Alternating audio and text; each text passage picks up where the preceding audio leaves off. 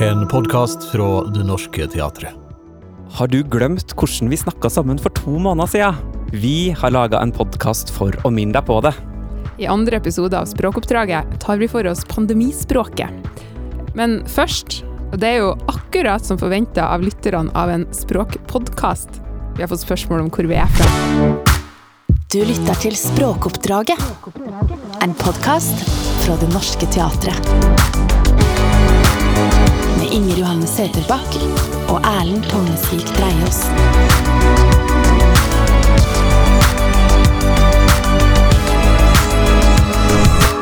Erlend, hvor er du fra? Ja, jeg er fra Åfjord kommune, ei perle på trøndelagskysten. Hvor opptatt er du av dialekten din? Jeg er eh, opptatt av dialekta mi. Um, eh, jeg er veldig opptatt av at folk skal skjønne at jeg er trønder. Men hvis du spør en åfjording, eh, så vil de nok si at jeg ikke høres veldig ut som jeg er fra Åfjorden. Og det er nok fordi jeg eh, har bodd forskjellige plasser. For eksempel hadde jeg noen par år i Danmark, der jeg studerte. Og da var det viktigere å bli forstått. Da kasta jeg åfjordingen litt på båten.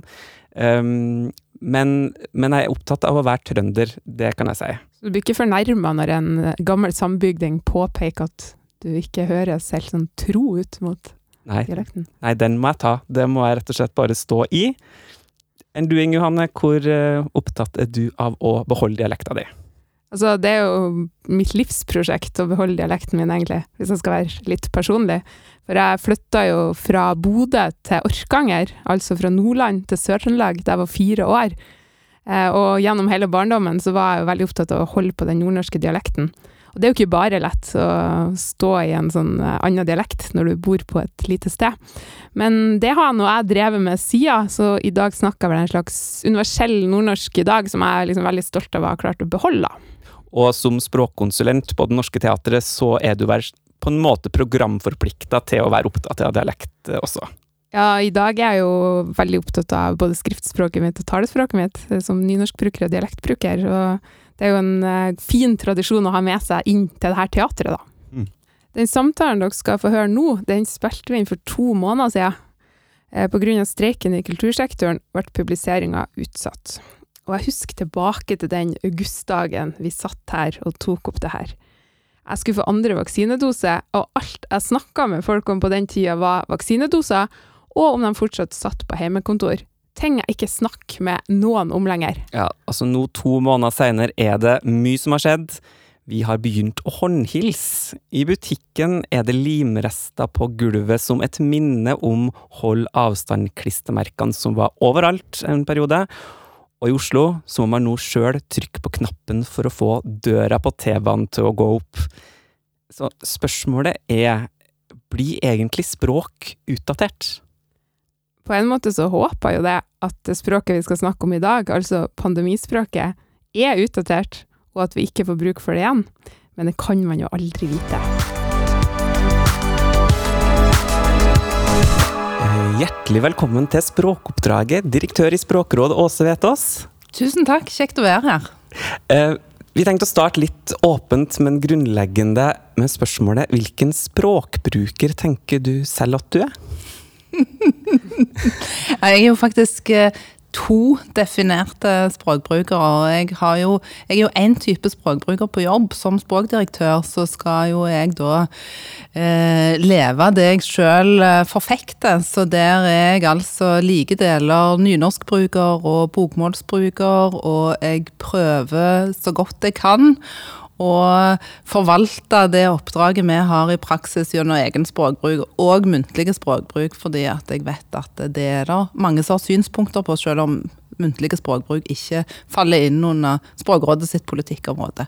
Og så er det den private språkbrukeren. og der er jeg eh, nysgjerrig og liker godt å lese andre sine tekster, og jeg eh, holder på Sandnes-dialekten min, selv om jeg har bodd eh, faktisk størstedelen av livet mitt eh, etter hvert på, på Østlandet, og, og, er veldig opptatt av, av språkmangfoldet. Mm.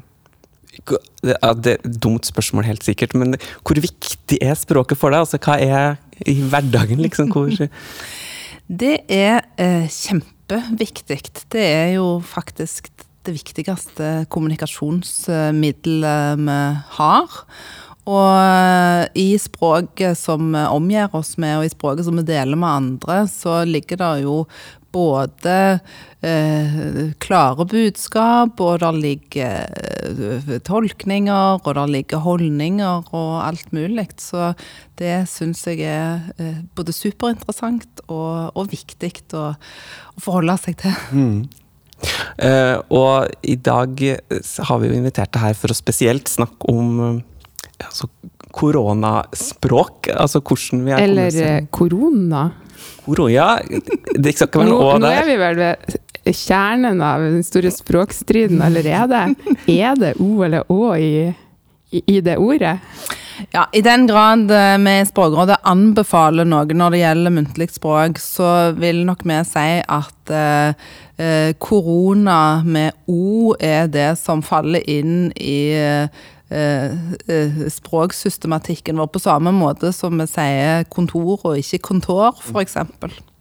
Det er faktisk ganske lett å huske på. Kontor.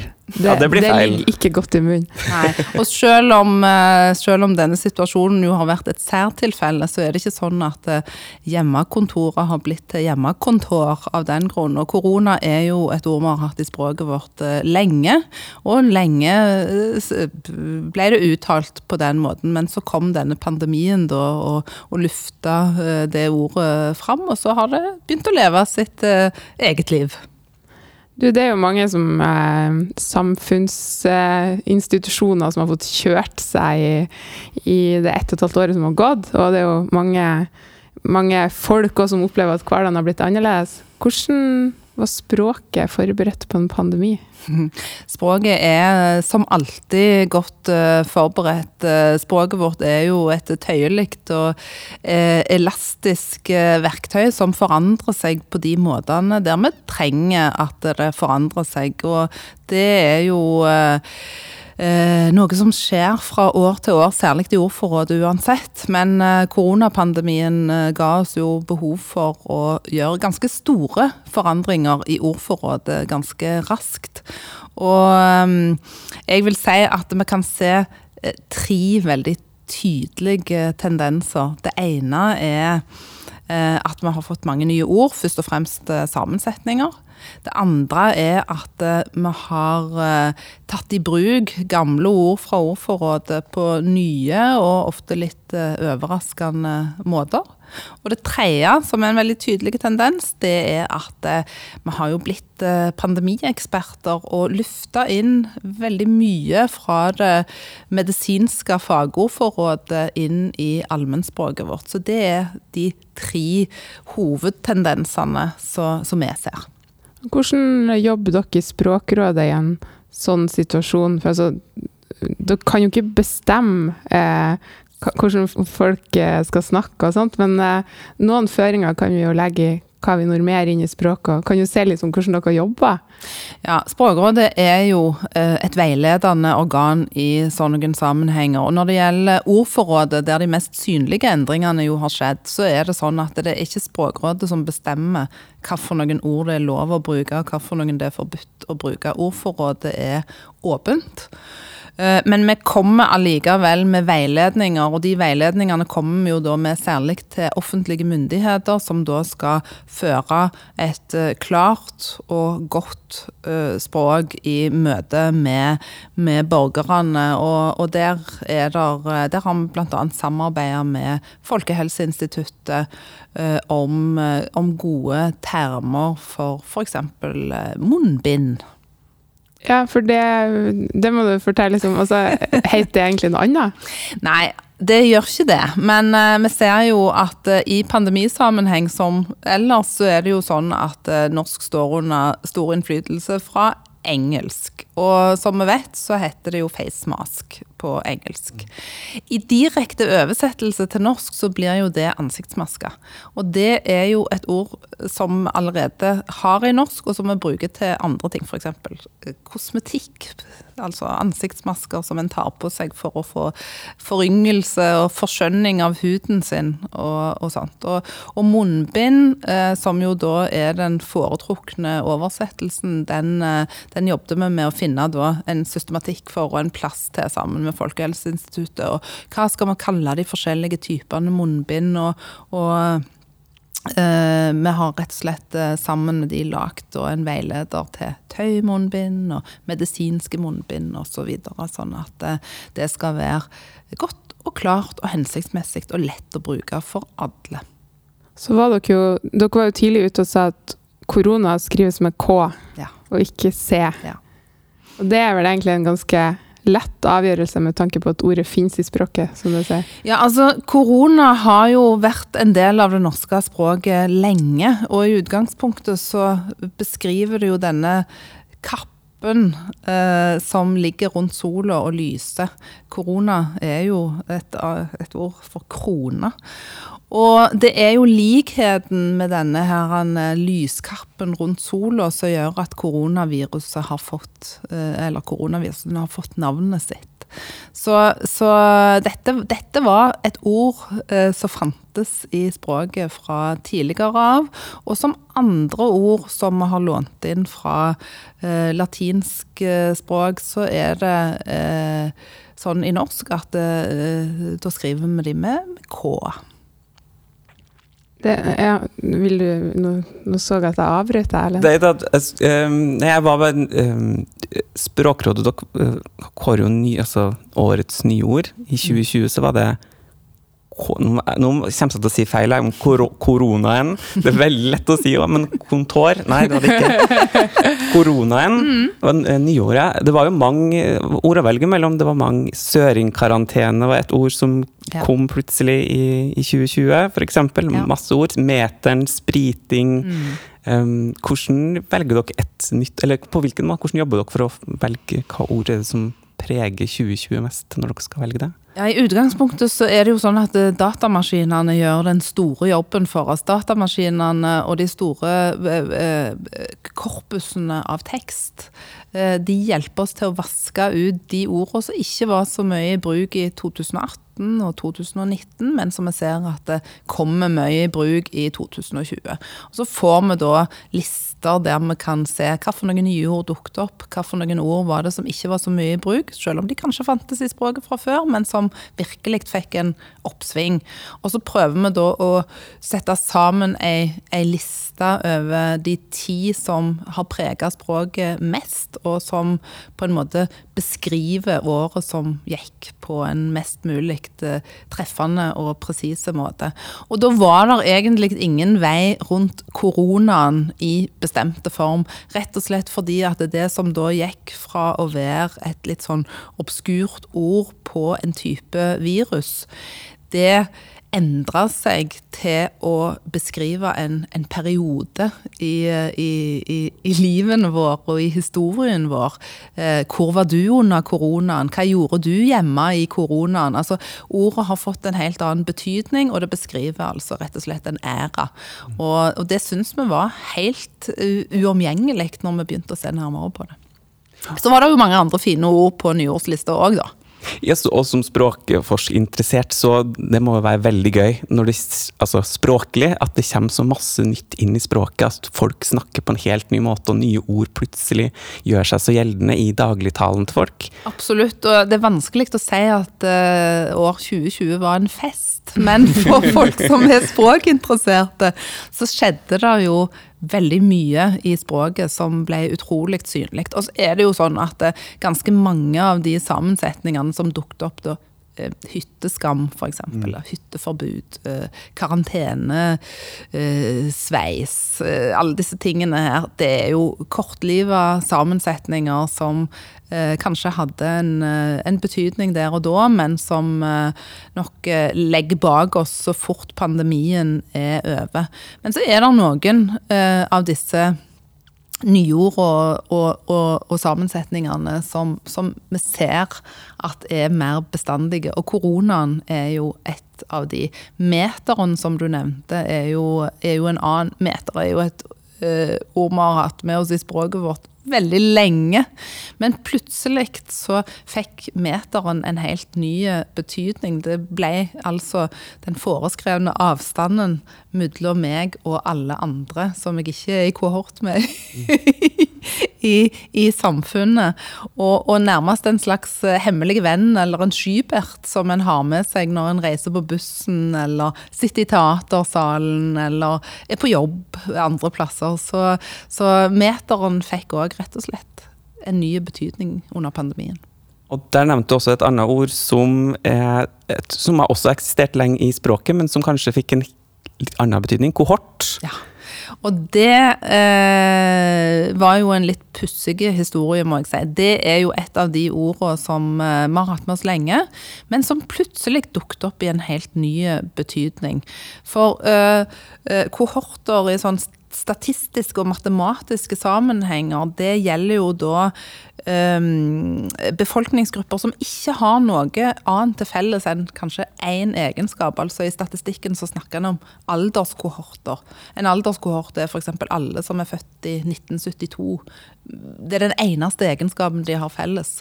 Men plutselig så ser vi at ordet kohort dukker opp, og så skal det brukes om eh, grupper av barnehagebarn som faktisk har ganske mye til felles, og som har et sosialt fellesskap. og, og, og grupper av skoleelever, f.eks. Og eh, hvis eh, Språkrådet hadde blitt tatt med på råd før dette ordet ble røska fram fra rotskuffen, så hadde nok vi eh, anbefalt at uh, noe helt annet uh, ble tatt i bruk. Men, uh, men, nå ble det sånn, og nå har kohorten fått et helt nytt liv. Og mange bruker jo ordet litt spøkefullt eller ironisk, og, og, det kan jo òg være ganske gøyalt, altså. Hvis vi snakker om folk som er uenige om en ting, så kan vi kanskje si ja, der har du en kohort. ja. Altså, for det, det, ordet var jo som du sier, dere var jo litt negative til det, men det har jo virkelig satt seg, da. Det ja, og det er jo et eh, bevis på at òg uh, dårlige ordvalg uh, setter seg i språket, og, og vi blir uh, vant til det. Men det er ikke en slags blankofullmakt eller en anbefaling til å velge dårlige, uklare ord, for det er vanskeligere å innarbeide de på en måte som er gode enn enn en hvis en velger eh, intuil, intuitivt lettgjenkjennelige ord som, som språkbrukerne allerede har et forhold til. Mm. Vi, vi, vi snakka litt uh, om det, jeg og Erlend, før du kom. Og jeg så jo at du òg gjorde det da du kom inn på teatret. Du tok sprit på hendene. Mm. Og det er jo en ting vi ikke har gjort før. Og der er det jo et fenomen som har oppstått, at den en merkevare har nesten blitt et verb å antibac seg. Ja, ikke sant vel. Ja, eh, det konkurrerer nok med å sprite, ja, ja selvsagt. Men, eh, men antibac eh, har jo blitt en slags fellesnevner for alle mulige slags typer desinfiserende, spritholdige produkter som en da både bruker på hender og på ja, kontorpulter og møteromsbord og forskjellig. Så ja, det er jo Og det er jo òg en kjent manøver i språket, dette med at eh, ord for varemerker som, eh, som, som, er veldig dominerende, de kan da eh, generaliseres og bli en del av allmennspråket. Som termos har blitt i si tid, og som eh, vi har ei lang rekke andre eksempler på. Du, du var jo innom de ordene som kom til å få et kort liv. Eh, hva tror du vi kommer til altså, Hva kommer til å stå igjen fra denne perioden? Det er noen ord som jeg tror at kommer til å være med oss eh, lenge, av litt forskjellige grunner. Et av de ordene som jeg hadde på nyordslista eh, vår for 2020, det var jo lyshare. Og lysharen på friidrettsbanen, det er jo altså eh, ei lyslist som ligger innerst rundt da løpebanen, og som, og som er fartsholder. Og, og det syns vi er et veldig godt eh, ord. Det er veldig intuitivt lettskjønnelig, beskrivende. Og vi tror nok at den typen eh, digitale fartsholder kommer til å ha et eh, liv òg etter pandemien. Så det er, det er ett eksempel. Et annet som jeg er kjempeglad i, må jeg si, det er nødlandslag. ja. Det skulle en jo tro var et ord som var veldig eh, kortliva, men så har det jo en sånn en fantastisk historie bak seg. Eh, det var jo dette fotballandslaget som de måtte skrape sammen av eh, juniorer og urøynde landslagsspillere, eh, som de da sendte til Ja, det var vel Østerrike. Nå er det sikkert en eller annen fotballekspert som hører på, som, som gnisser tennene. men, men, i hvert fall. Historien er som så at disse guttene på det norske herrelandslaget, de som ble kalt nødlandslaget, de drog ut i verden, og ingen hadde trua på dem i det hele tatt klart. Men så spilte de kjempegodt. Det ble jo en supersuksess. Og det har gitt eh, nødlandslaget som ord eh, et, et, løft som, og en god historie bak seg, som gjør at eh, jeg tipper at det ordet kommer til å leve videre. Og vi har sett det i andre sammenhenger senere òg, der eh, lag har måttet skifte ut sentrale spillere, at det har dukket opp. Og, og det knytter seg jo uansett til den veldig gode historien om dette eh, juniorprega laget. Så det syns jeg er et, et, fint ord, og et ord som inneholder en overraskelse, og som jeg tror vil bli med oss inn i historien. Mm. Mm så er det jo sånn I løpet av 2020 så er det flere av oss som har måttet reflektert over hvor viktig jobben vår er for samfunnet, eller hvor, i hvilken grad den er samfunnskritisk. Og vi her på Det Norske Teatret ønsker jo gjerne å tenke at teater og kunsten bør være samfunnskritisk, men i den nye betydninga av ordet som raskt fikk da fotfeste våren 2020, oppdaga vi at teatret ikke er så samfunnskritisk. Um, vi ble raskt stengt ned. Hva tenker du om skill, altså forskjellen på samfunnskritisk, samfunnskritikk eller mm. samfunnsviktig jobb? Mm. Eh, I våre anbefalinger eh, så har det over tid ligget at en ikke bør kalle eh, den typen institusjoner eller ordninger eller eh, ja, politikkområder for, for, samfunnskritiske. For samfunnskritisk har jo, som du sier, en annen betydning. Altså kritisk eller granskende til visse aspekter ved, ved, ved samfunnet eller måten vi organiserer oss på. Så, så Språkrådet vil anbefale at en formulerer seg annerledes når en snakker om eh, den typen viktige samfunnsinstitusjoner eller viktige eh, politikkområder. Mm. Ja. Og så lurte jeg også på, altså Vi snakka meterne nevnt. Altså mm. Sosial distansering ble også brukt for å stenge restauranter og mm. teater og andre. Ja. Eh, men hva er forskjellen på sosial distansering og fysisk distansering? Er det det samme, liksom? Der er vi tilbake igjen i disse litt sånn uheldige lånene fra engelsk. For social distancing ble ganske raskt et begrep i den engelskspråklige verdenen for det å holde fysisk avstand. Vi gikk raskt ut og sa at uh, distansering på norsk, det betyr jo en mer sånn avstandstagen til, til innholdet i, i, et eller annet som er overført, og at uh, vi anbefalte av klarhetsgrunner å si fysisk avstand. Hold fysisk avstand. Og det er jo ikke sosialt vi har ønsket at folk skal holde avstand til hverandre. Det er jo rett og slett å holde den meteren eller å holde den fysiske avstanden som er nødvendige for å hindre virusspredning. Og det har vi faktisk fått med oss Verdens helseorganisasjon på laget, for de har sagt at eh, heller ikke i engelsk er social distancing et godt begrep. Vi må heller snakke om fysisk avstand, for det er det det er snakk om. Mm. Mm. Men du, hvor viktig er det å være tidlig nok ute? For det er jo vanskelig å snu et ord som har festa seg? Det er jo helt uh, avgjørende, og derfor skulle jeg ønske at uh, Språkrådet ble tatt med på råd tidligere i en del sånne sammenhenger. For vi har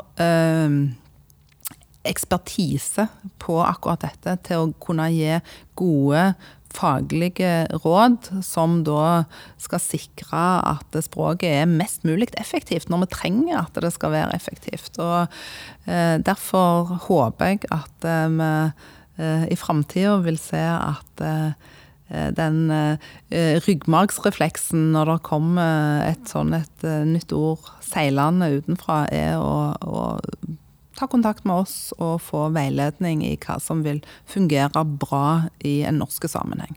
Mm.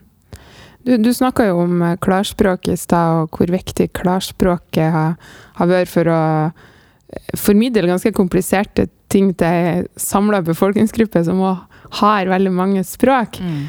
Eh, og så har vi jo fått en språklov under pandemien, som det kan jo hende at ikke alle har fått med seg det. Der er bl.a. klarspråk et uh, viktig tema i en slags lovfesta uh, rett. Nei, det går jo ikke an å si. Jo, Men, ja, faktisk ja. så er det sånn at i den nye språkloven så er det en egen uh, klarspråksparagraf som da sier at det offentlige har plikt til å kommunisere Eh, med innbyggerne i Norge på en måte som er klare og brukerretta.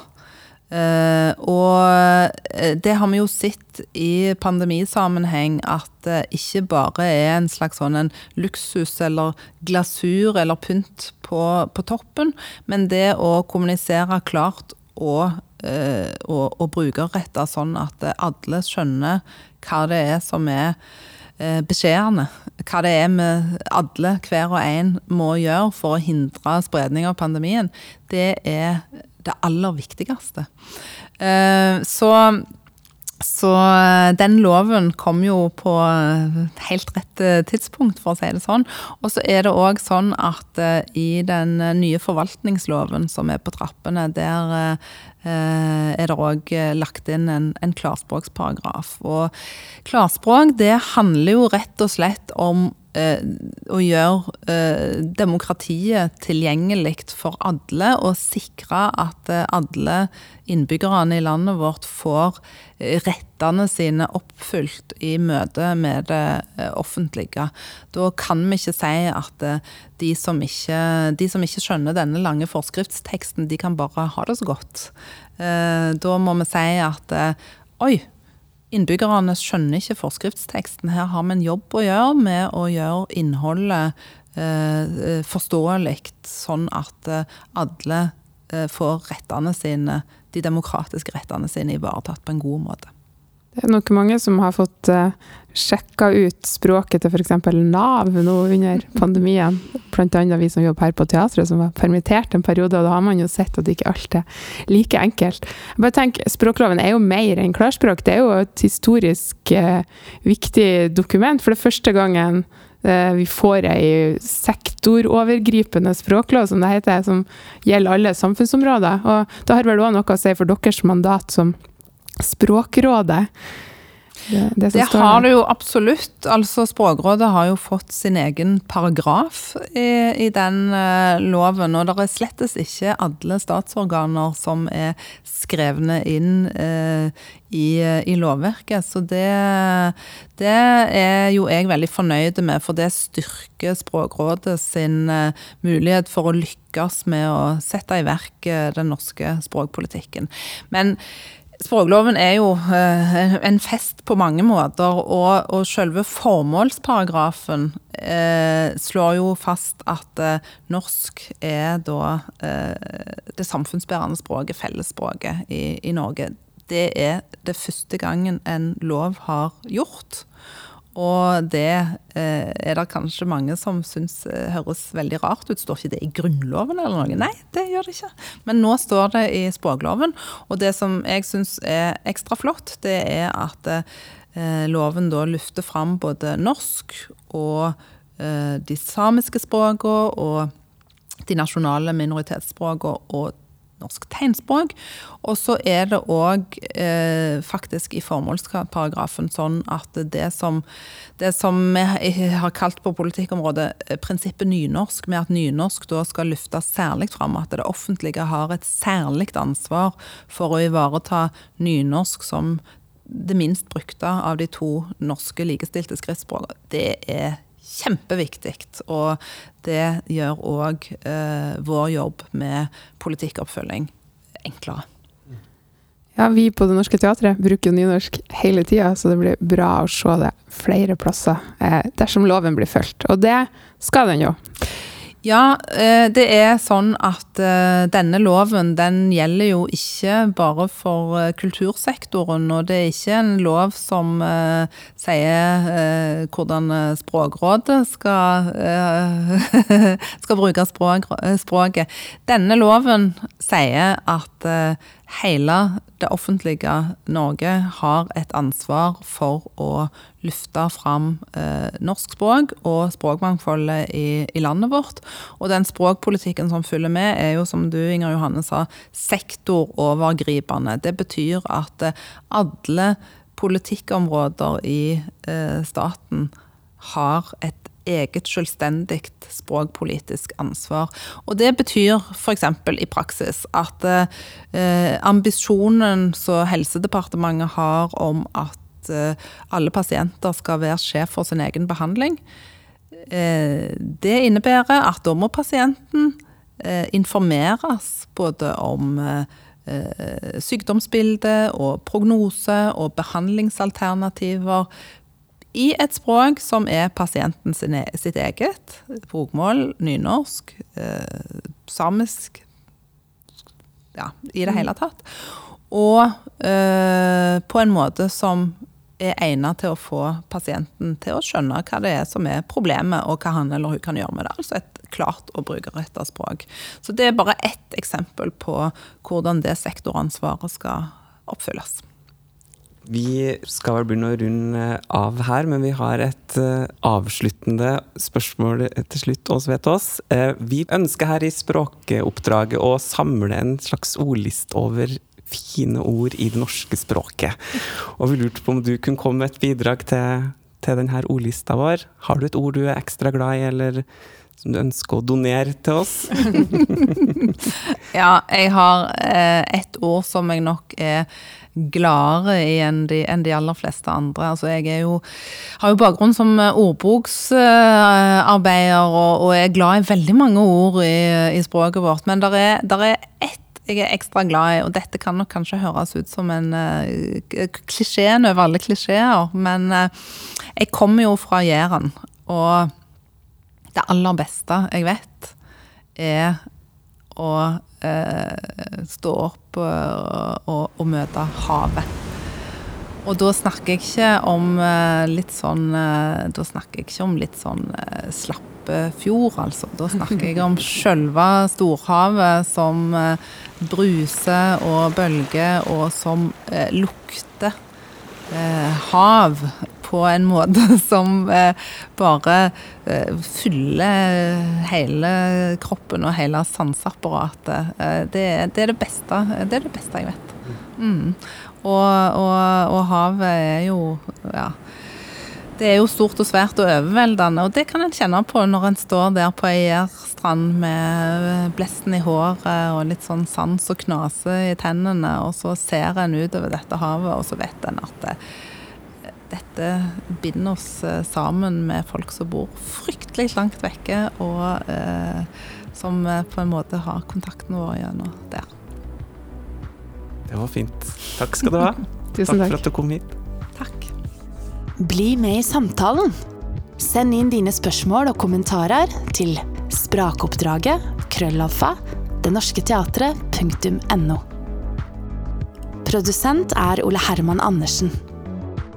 Flere podkaster fra Det Norske Teatret finner du i podkastappen din.